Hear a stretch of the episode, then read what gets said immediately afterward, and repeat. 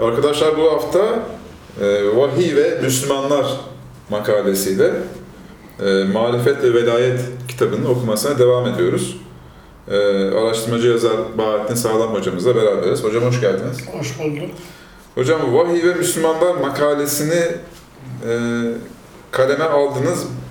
Bu makaleyi kaleme almanızın e, şey kısaca bir sebebini özetleyebilir misiniz? Yani Müslümanlar bu asırda neden veli olamıyor, neden bilgi olamıyor, neden cahildirler diye bu gerekçenin izah edilmesini sağladık burada. İçerik böyle yani. İçerik bu. Dolayısıyla İslam dini neden bilgi yetiştirmiyor, neden veli yetiştirmiyor? Değil mi? Ta geçmiş dönemlerden bir Mevlana mesela bu yetiştirilmiş, büyük insanlar yetiştirmiş, şimdi neden yetiştiremiyor? Bu çağımızda vahiyden kopuk yaşadıkları için, bilgiden kopuk yaşadıkları için Evet. onu irdeliyoruz. Tamam. O zaman makale okumaya başlayalım. Başlayabiliriz. Vahiyden kopuk yaşadığımız zaman ne dinimizi biliriz, ne dünyamızı biliriz. Bilgelikten de mi kopmuş oluyor? Bilgelikten de kopuruz, velayetten de kopuruz, koparız. Evet hocam. Vahiy ve Müslümanlar makalenin başlığı. Ee, bu başlığa istinaden bir tane dipnotumuz var. Bütün manevi geleneklerde kat'i olarak bilindiği gibi ilmi prensipler ve bilgelik olmadan velayet olmaz. Bu yazıyı buraya almakla bugünkü Müslümanlardan neden bilge ve veli çıkmadığını bildirmek istiyoruz. Demek İslam dinini bu konuda eksiklik ile itham etmek doğru değildir. Çünkü eksiklik dinin kendisinde değildir. Eksiklik Müslümanların az yetişmişliğinden kaynaklanıyor. Vahiy, gizli, sessiz ve süratli bilgi akışı demektir. Bu çağda elektronik ve biyolojik bilişim ve etkileşimler bilinmeden doğrusu bu kelimenin bu manasının mahiyeti tam anlaşılmazdı. Vahyin bir ismi de emir ve ruhtur. Evet, bütün kainatta, bütün alemlerinde işi yöneten, varlığa ve olaylara canlılık ve ruh katan hakikat, son derece süratli, sessiz ve görünmez bir yazılım, bir ruh olan ilahi emir ve komuttur. Bu evrensel gerçeğin ilmi ismi her alemde farklıdır. Fizikte ona kuantum etkileşimi denilirken, biyolojide ona ekolojik iletişim ve DNA komutları denilir. Bu evrensel hakikat, biyolojik dünyada o kadar çok etkindir ki, bugünkü müspet ilimler, bu alemdeki iletişim çeşitlilerinin birçoğuna isim bile bulabilmiş değildir. Çünkü biyolojik dünyada semavi vahiyler gibi Allah'ın mucizevi yasaları ve kelimeleridir. Rum suresinde din ile eşit tutulan fıtrat aleminin ayetleridir. Bu evrensel hakikatin metafizik inanç alemindeki ismi vahiy, ilim, emir ve ruhtur. İlim manası için Bakara suresi 120 ve 145. ayetlere bakınız. Emir ve ruh manası için ise Şura suresi 52. ayet ve Casiye suresi 18. ayeti okuyunuz diye bir not, dipnotumuz Evet. hocam. Bütün varlıklara müekkel bir melek olduğu gibi bu evrensel yazılım ve bilişim hakikatine de müekkel bir melek var. İsmi Cebrail'dir. Ce bir bağlantı, il ise Allah demektir. İkisi beraber Allah'ın iletişimcisi manasına gelir. Kur'an'ın tabiriyle Allah'ın Resulü yani elçisi. İşte size Tekvir suresinden bir pasaj.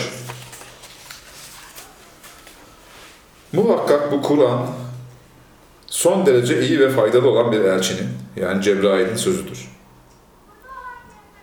O elçi çok güçlüdür. Bütün her şeyi yöneten Allah katında yüksek bir makama sahiptir. O alemde her bilişim ve emirde ona itaat edilir. Ayrıca o elçi çok güvenilirdir. Arkadaşınız olan Muhammed asla deli değildir. Çünkü Muhammed o elçiyi metafizik alemin açık ufkunda gördü. Muhammed bu metafizik bilgileri almakta verimsiz ve ketum değildir. Bu Kur'an negatif, sistemde yeri olmayan, rejim, sadece viral olan, viral bir şey olan, şeytanın ve şeytani hastalıkların sonucu söylenmiş bir söz de değildir. Artık nasıl ve nereye sapıyorsunuz? O, bütün alemler için bir mesaj, bir değer, bir bilgiden başka bir şey değildir. Kendilerini düzeltmek ve geliştirmek isteyenler için, yani başta irade olmak üzere, bütün varlıkları geliştirmek için bir komut ve mesajdır. Fakat Allah istemeden sizin istemeniz yetmez. Yani önce ilahi sonsuz irade sizinle ilgili dosyaların ve işlerin olmasını ister. Siz de eğer isterseniz o dosya gerçekleşir. Evet, var olmanın ve hayatın amacı gelişmektir.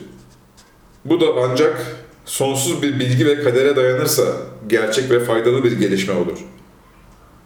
Ve bunun imtihan ve gelişme esprilerini taşıması ve bir mana ve kazanç ifade etmesi için sizin de o ilahi evrensel iradeye uygun bir şekilde istemeniz gerekir. Yani istemeyen kişi bu sonsuz sistemden bir şey kazanmaz. Ayrıca ben istedim mutlaka olur veya neden olmadı gibi bir yanlışa da düşmeyin. Çünkü iradeniz sınırlıdır. Sınırsız sistemin esprisini her zaman kuşatamaz. Zaten her istediğiniz olsa kainattaki birlik ve düzen gerçeğine aykırı olur. Son iki ayette bu hakikat şöyle vurgulanmıştır. Doğru gitmek ve gelişmek isteyenler için bu Kur'an bir mesajdır. Ve sonsuz ilahi irade istemeden sizin istemeniz gerçekleşmez. Burada tefsirlerini beraber Evet, okuyoruz, değil mi? evet. Ayetleri. Maalesef bu ontolojik evrensel realite yanlış anlaşılmış. Ayete, ayette önce Allah ister. Onun bu isteği zorunlu olarak insanın istemesinin netice verir. Dolayısıyla insan irade sahibi değildir şeklinde meal verilmiş. Ve Cebriye fırkasının elinde en büyük bir koz olarak kullanılmıştır.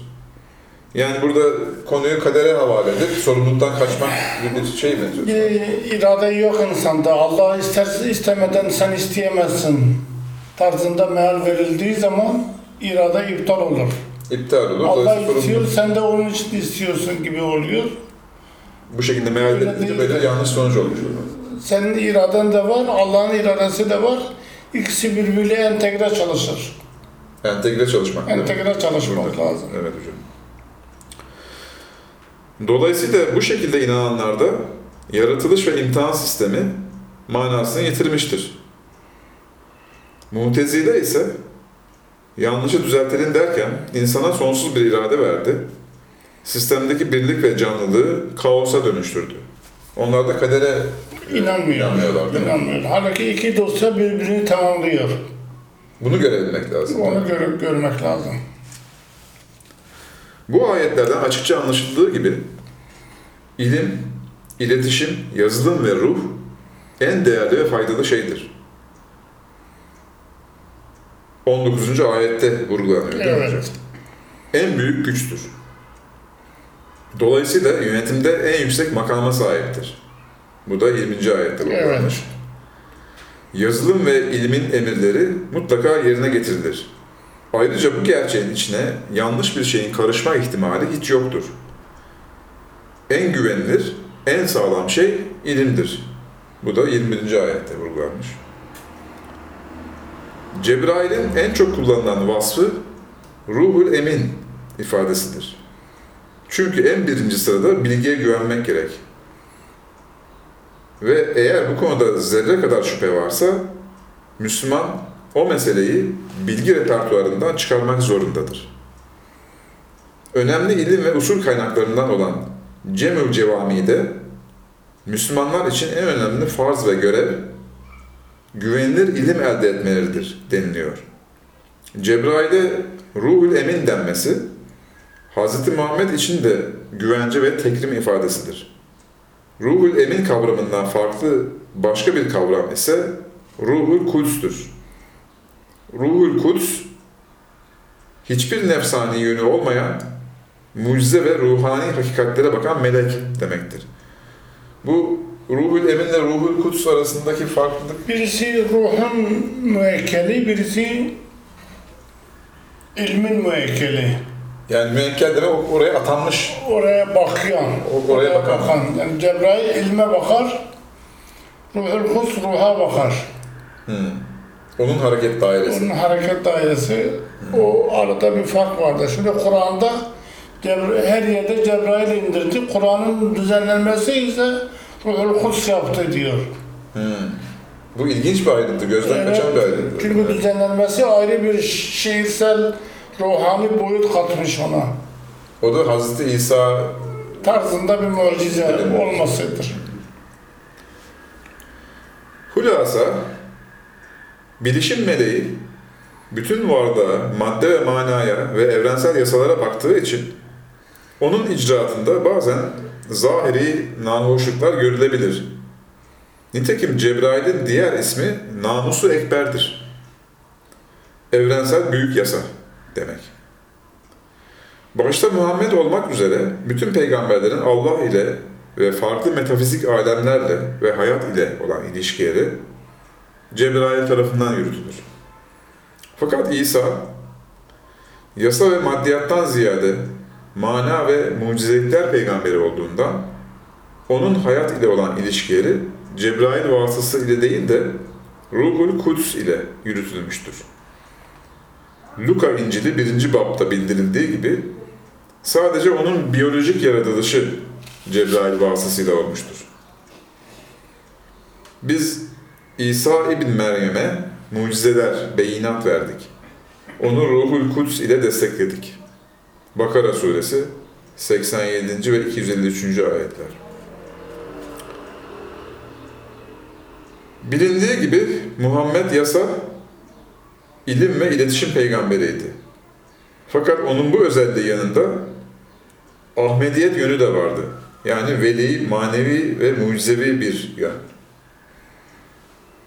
Onun için Hz. İsa Muhammed gelecek demiyor da Ahmet gelecektir diyor. Saf suresi 6. ayet. Bu Ahmediyet yönünü biraz açabilir misiniz hocam? Hz. Muhammed'in. Şimdi yasal durum var kainatta. Bir de ruhani olağanüstü durum var. Evet. Yasal duruma bakan veçesi Muhammed'dir.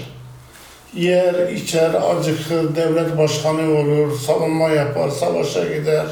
Hayatın olan akış sürecinden bahsediyoruz. Yaşar ve düzenler onları. Bir de Ahmediyet boyutu var. Yemese de, içmese de yaşayabiliyor. Ruhani boyuta geçebiliyor. Hmm. Miraca çıkabiliyor. Orada bir metafizik bir durum var. Melekle görüşebiliyor. Metafizik boyutu Ahmediyet boyutu. Ahmediyet boyutudur. Evet hocam.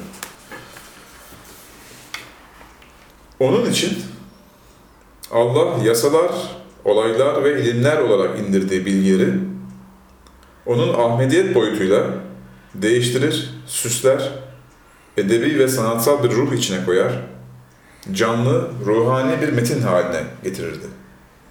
İşte Kur'an'ın düzenlenmesi Ahmediyettir. Kur'an'ın kendisi ise Muhammediyettir. O yüzden Ruhul Kuds demiş değil mi? Evet. Yani Cebrail'in getirdiği bilgileri Ruhul Kuds canlı, manevi sanat değeri yüksek bir metin yapardı. Nitekim Muhammed'in en büyük mucizesi Kur'an'dır. Kur'an ilim ile beraber bu Ruhul Kuds hakikatini de taşımakla mucize yani olağanüstü bir kitap olmuştur. Yoksa salt bilgi olarak herkes onun mucizeliğini göremezdi. Demek Kur'an ilim ve yasa olmakla beraber maneviyat ve irşat görevini de görüyor. Kur'an'da bu hakikat şöyle açıklanmıştır. Biz bir ayet yerine başka bir ayeti koyduğumuzda ki sonsuz ilme sahip olan Allah neyi ne zaman indireceğini çok daha iyi biliyor. Sen bu ayetleri kesinlikle uyduruyorsun dediler. Bunlar iftira ile manevi bir metni birbirinden ayırt edemedikleri gibi bu işlerin sistematiğini, nedenselliğini anlayacak bilgiden de yoksundurlar. Vahiy diliyle de ki, bu değişikliği Ruhul Kuds Rabbinden yani geliştirmek amacıyla gerçek hikmetlere dayanarak indirmiştir. Ki Ruhul Kuds zahiren inananların imanını e, bu maneviyat ile tespit edip sağlamlaştırsın. Onları o maneviyat ile ebediyet hedefine vardırsın. Ve pratikleri uygulayanlara yaptıklarının manevi karşılığı var diye müjdelesin. Nahl suresi 101. ve 102. ayetler. Nahl suresinin bu iki önemli ayetinden şu üç önemli sonucu anlıyoruz. Din ve şeriat, mana ve yasa olarak mucize oldukları gibi bunların ilmi, edebi ve manevi bir formatı olan Kur'an da ekstra bir mucizedir. İsa'nın mucizeliği ve harikalığı kadar Allah'ın bir kelimesidir. Ondan bir ruhtur. Nisa suresi 171. ayet. Bediüzzaman'ın velayet ve maneviyat, şeriat ve İslam'ın hücceti ve ispatıdır vecizesinin Kur'an'daki yerini görüyoruz. 61 6. ayet. 61. sure ayet 6. ayet mi? Evet. 6. ayet aynı manayı dile getiriyor. Demek Harun Musa'nın yardımcısıdır. Mealindeki temel bilginin manası budur. Bu iki ayet neden Tevrat'taki bilimsel din İncil'deki ruhani din ile değiştirildi mealindeki mukadder bir soruya da cevaptır. Çünkü bütün dinleri savunmak Kur'an'ın bir görevidir. Bu farkı anlamayanlar Ruhul Kuds ile Ruhul Emin aynıdır veya farklıdır diyerek birçok ihtilaflı tartışmalara girmişlerdir. Maalesef bu iki farklı özelliği bilmeyenler için bu iki melek manası bir de olsa, farklı da olsa bir şey değişmez. Çünkü bu durumda kuru, manasız bir ihtilaftan başka bir sonuç çıkmaz. Mesela Cebrail'in ve vahyin bu özelliklerini bilmeyen radikal bir yazarımız, kelimelerin manasını yanlış anlamaktan ve suredeki o mucizevi vasıfları anlamamaktan ve kendi siyasi ve dini anlayışı Emeviler gibi cebre ve istibdada dayalı olduğunda Cebrail'i şöyle tarif etmiştir. Karşısında hiçbir kuvvet duramaz. Yaptıkları her şey zorunludur. Kesin, bağlayıcı ve değişmezdir. Dolayısıyla Cebrail her meleğin, her gücün, her satvetin, her ruhun üstündedir. Allah katında itibarı çok yüksek, her şey ona itaat etmek zorundadır. Cebrail'in getirdiği vahiy de bu özelliklere sahiptir. Vahiy zorunlu, tevil götürmez bir ilimdir.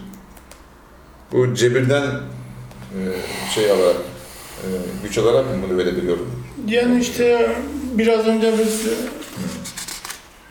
Tekbir suresinden bir pasaj okuduk. O pasajın kendi çevirisi böyle.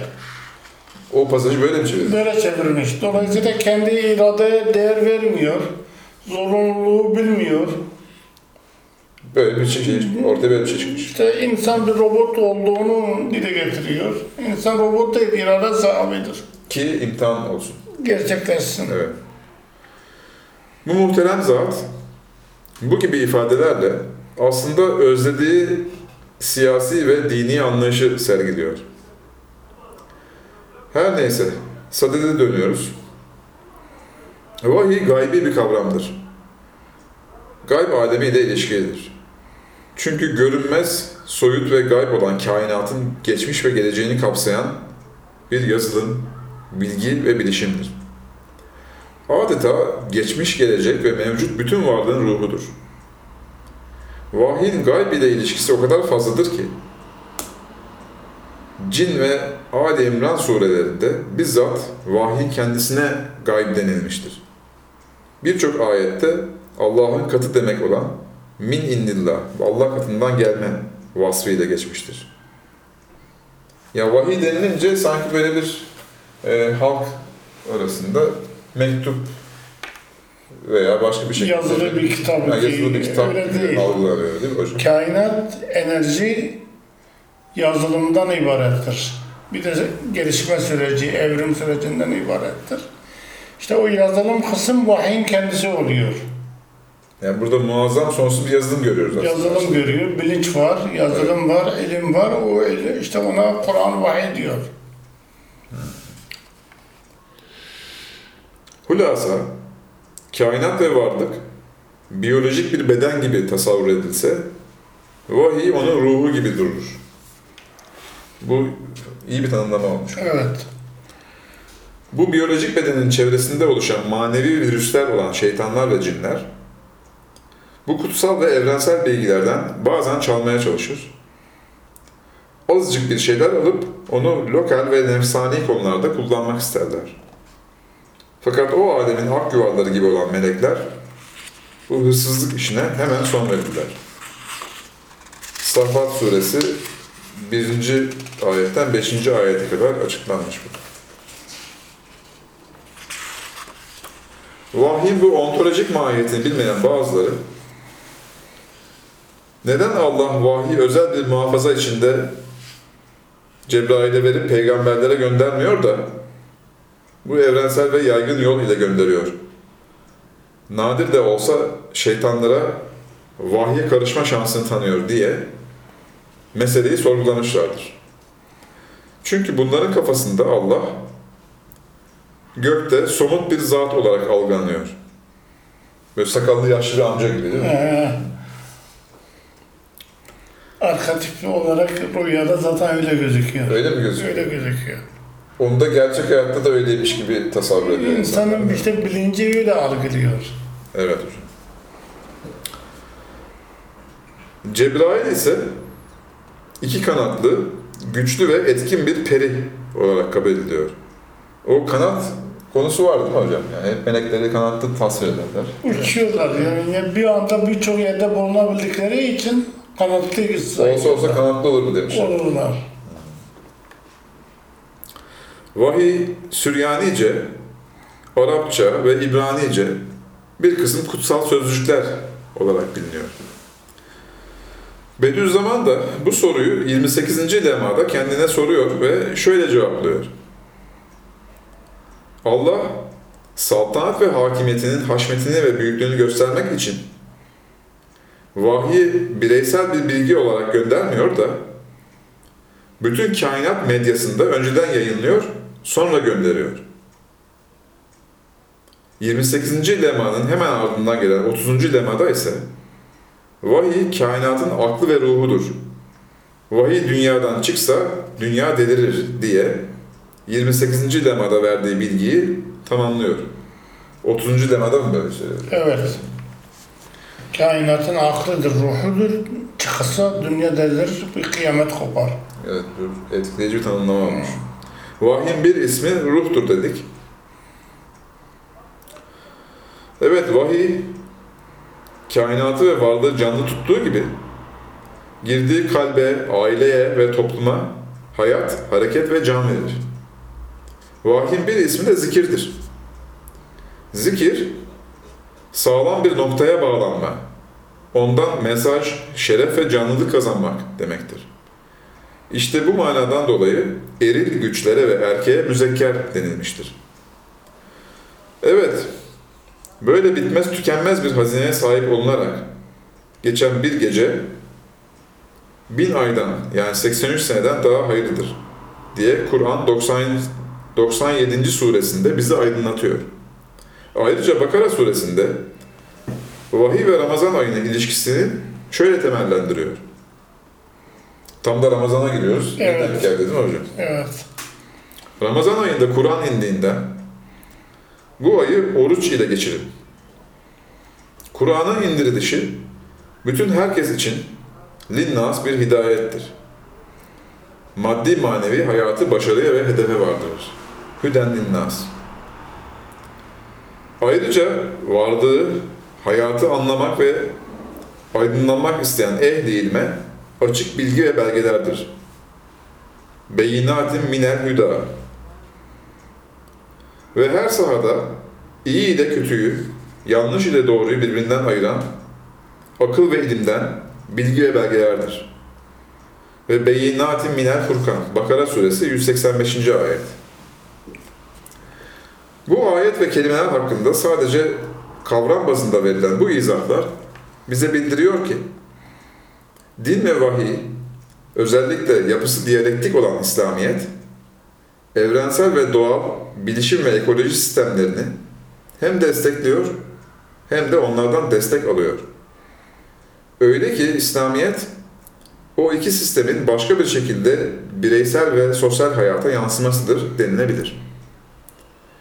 Çok boyutlu bu ontolojik ilişki, metafizik misal aleminde Cebrail ve Mikail'in Hz. Muhammed'e hizmetleri olarak yansıyor.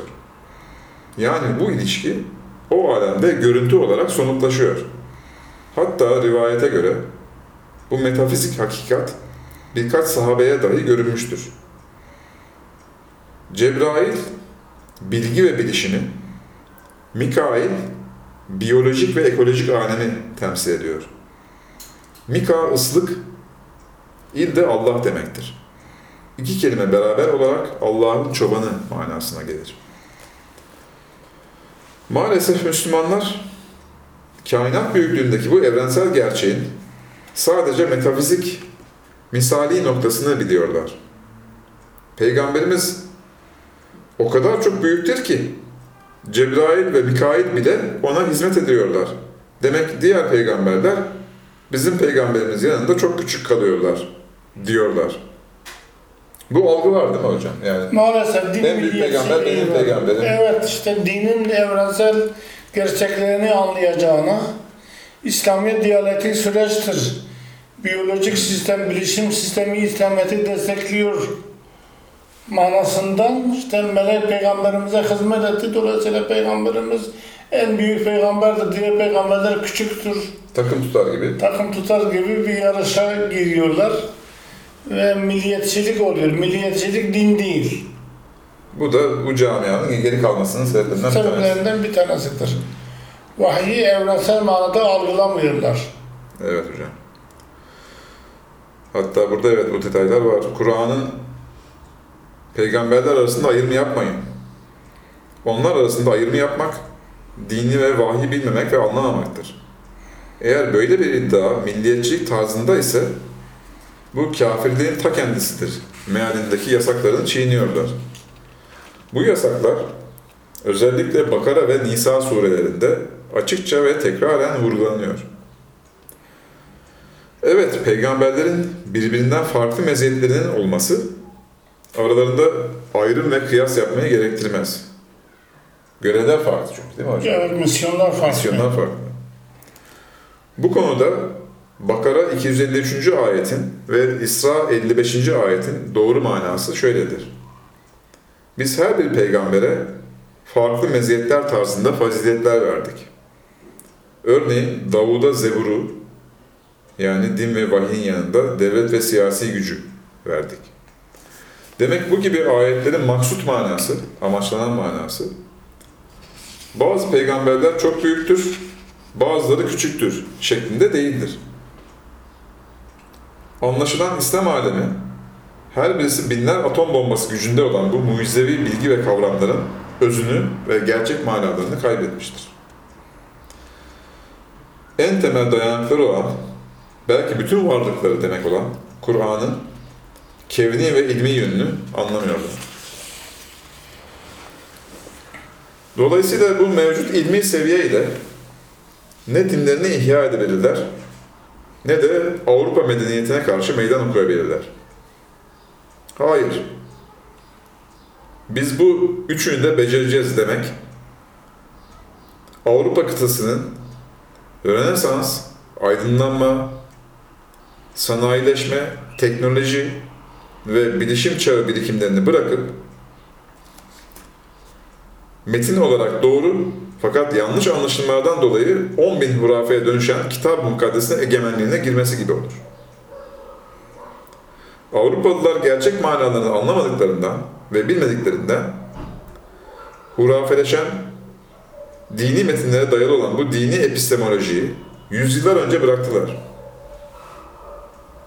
Onlar hurafe gibi ne hocam? İşte kilise onu yanlış anlattı. Dolayısıyla bilim ehlini sıktı, bilim ehline yol vermedi. Bilim ehli dini ilişkisini kopardı kitab-ı mukaddesten. Sonra Avrupa gelişti. Şimdi O- aynı sorunu İslam dünyası yeni yeni yaşıyor. O süreçten geçiyor yani. O süreçten geçiyor. 500 yıl sıkıntı çekerek bugünkü noktaya geldiler Avrupalılar. Biz ise böyle yapamayız. Çünkü İslam kitab-ı mukaddes kadar gizlenmiş değildir. Fakat maalesef Müslümanlar müsbet ilmi Avrupa'nın malı sanıp dine dönüş yapıyoruz diye Orta Çağ'ın skolastik anlayışına geri dönüyor. Geri gidiyor sadece siyasi ve sloganvari tepkiler gösteriyor. Bu da İslam alemini var kılmak yerine daha çok ezilmesine ve yok olmasına sebep oluyor. Bu şu an ekrandaki durum değil mi? Maalesef işte İslam dünyasındaki sıkıntıların sebebini anlatıyorum burada. Evet hocam. Örnek olarak size tipik 7 numuneyi anlatayım. Burada madde madde gidiyoruz. Evet, bir. Birinci maddede Türkiye Cumhuriyeti Diyanet İşleri Başkanı İslam son ve tek hak dindir. Diğer dinler batıl ve tabileri cehennemliktirler diye kabul etmemizle beraber biz Diyanet ve millet olarak diğer din mensuplarına hoşgörülü davranmak zorundayız.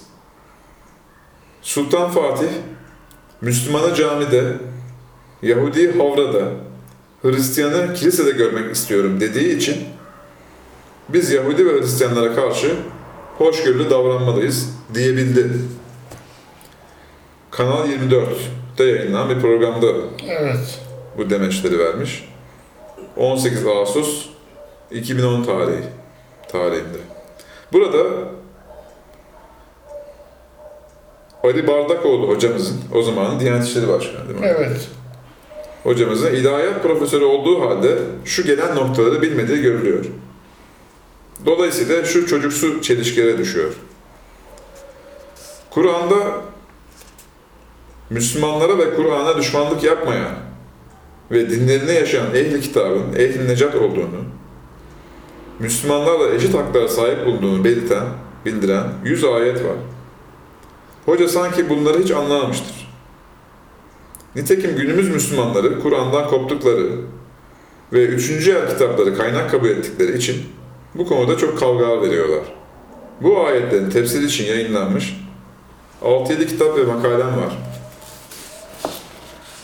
Fatih'in sözünü riyakârane söylenmiş politik bir demeç gibi algılıyor.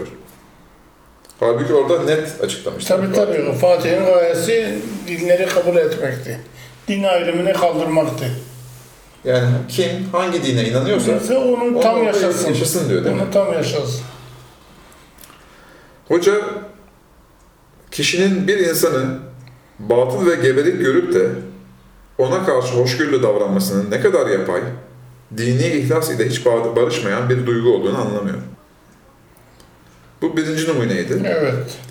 İkinci numunede tarikatlarda dini bilgileri soyut, sonsuz ve evrensel görmek ve anlamak esastır.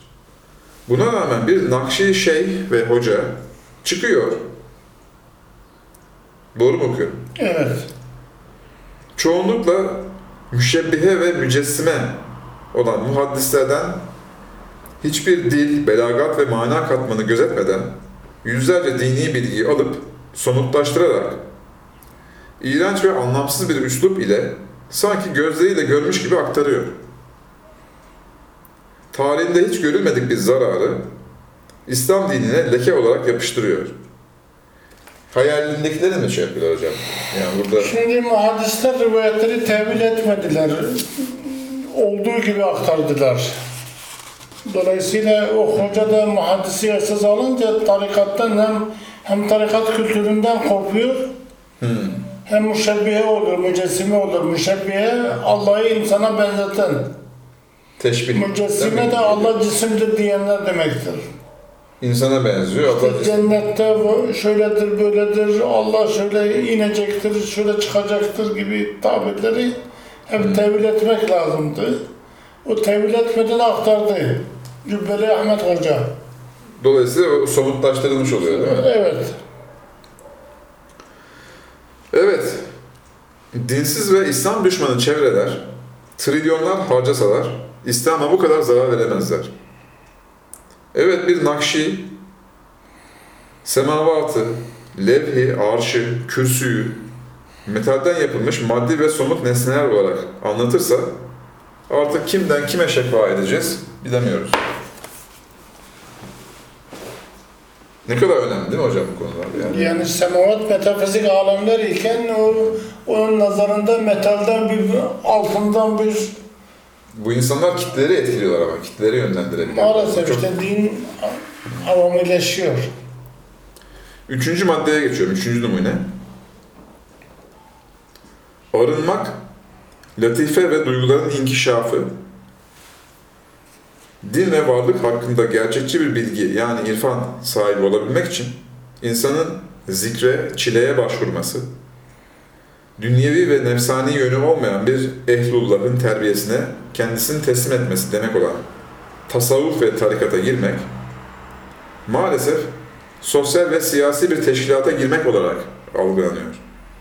Böyle algılayan biri, şeyhini teşkilatın başkanı olarak görüyor, partiye seçmen toplar gibi ona mürit toplamaya çalışıyor. Genelde durum böyle yani. Maalesef, maalesef. Tam tersi istikamette gidiliyor. Bu işte bütün manevi ve ahlaki değerleri çiğneyecek şekilde siyasi entrika ve kulisler çeviriyor.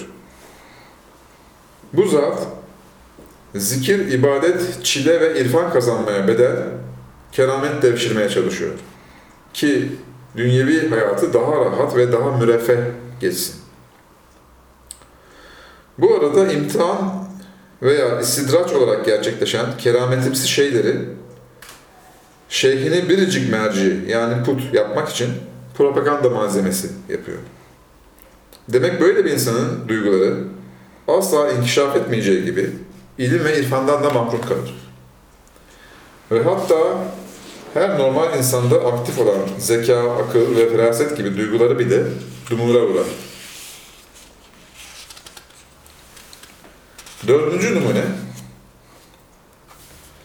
ve mesela son derece samimi ve dindar olan ilahiyatçılarımız sık sık televizyon ekranlarına çıkıyor. Eğer program konusu dinin sosyal ve siyasal yönüyse gayet alimane ve ehli hamiyet olarak çok güzel ve faydalı bilgiler veriyorlar. Bu gibi konularda diplomatlar onlara çırak bile olamazlar. Fakat o programın konusu eğer vahiy, din, Kur'an'ın manası özellikle dinin biyolojik, antropolojik ve fizik yani kevni gerçekleri ise o kadar yanlış, karışık, hurafevari, kaotik şeyler anlatırlar ki Türkiye Cumhuriyeti Avrupa'dan 7000 akademisyen tutsa 7 yıl boyunca onları din ve İslam aleyhinde kullansa böyle bir sonuç elde edemez. Hemen hatırlatalım ki son derece dindar ve samimi olan hocalarımızın bu eksiği şahsi bir kusur olmaktan ziyade şu iki sosyolojik yaradan kaynaklanıyor. Birincisi bu asırda siyaset gündemi ve zihinleri o kadar çok işgal etmiş ki diğer bilgilere hiçbir alan bırakmamıştır. İkincisi ise bu hocalarımız bu asırdaki kültürel depremden dolayı ne tam dili öğrenebiliyorlar ne de tam fen eğitimini görebiliyorlar. Ana sebepler bu yar- yaradan. Evet, işte ilahiyatların eksiği budur. Siyaset gündemi işgal ediyor, dine yer bırakmıyor tam otursun. Tam tersi olması gerekiyor. İkincisi dil bilinmiyor. Metinlere inemiyorlar. Fen de bilmiyorlar ki muhakeme etsinler, doğruyu bilsinler. Bir de sizin özellikle üstünde durduğunuz bir konu var ya, özgür düşünebilme yetisi. İşte bunlar olmayınca özgür düşünce de olmuyor. Ona yol açan bunlar da. Yok, evet, bunlar. olmuyor. Beşinci numune, Arap dünyası da bizden farklı değildir. Mesela Kur'an ve iman aşkıyla yanan Abdullah Dıraz Hoca, başta müsteşrikler olmak üzere İslam düşmanlarının Kur'an'ı karalamalarına karşı Bakara suresinin 280 ayetinin bağlantılarını göstereyim diye cevap vermek istemiş. En Büyük Mesaj Kur'an isminde bir kitap yazmıştır. Fakat Abdullah Dıras Hoca, Kur'an'ın mealinden manasına geçemediğinden ve Kur'an'ın mucizelik esprisinin ne demek olduğunu anlamadığından, ilmilikten ve ispattan yok yoksun, ilmilikten ve ispattan yoksun, hissi, hayali, yuvarlak iddialarla kitabını doldurmuştur. İşin acı tarafı, bir tefsir kürsüsü başkanı kalkıp en büyük kaynak, en büyük cevap diye bu kitabı Türkçe'ye çevirdi. Tavsiyeyle binlerce öğrenciye okutuldu. Ne kadar enteresan yani. Evet. Başka çare yok. Bilemiyorlar. Altıncı numune. Yine son derece imanlı ve tefsir profesörü bir zat, Müsteşriklere Cevap diye bir kitap yazdı. Maalesef bu muhterem hocamız, müsteşriklerin o şeytani iddialarını aynen aktarmıştır. Ve 6-7 sayfalık bu tarz vesveselere karşı bir tek paragrafta haşa Kur'an öyle değildir, Kur'an çok büyük bir mucizedir deyip cevap verdiğini sanıyor. Çünkü hocamız muhteremliğiyle beraber o şeytanlara cevap olabilecek birikime sahip değildir. İşin acı tarafı, Bediüzzaman'ın Kur'an anlayışını bildiklerini sanan cemaat, kalktı, Nurcar'ın akademik çalışmaları diye vesvese verici şeytani iddiaları içeren ve asla yeterli cevap içermeyen kitabı yayınladı. Tavsiye eden insanlarımıza okuttu. Evet, burada duruyoruz. Bir sonraki hafta bu makaleye devam edeceğiz değil mi? Devam edeceğiz. Devam edeceğiz. Vahiy ve Müslümanların ilişkisini Arkadaşlar Vahiy ve Müslümanlar makalesinin eee birinci bölümünü bu hafta okuduk. Haftaya makalenin ikinci bölümünü okuyarak makaleyi tamamlayacağız. İzlediğiniz için teşekkürler. Haftaya görüşmek üzere.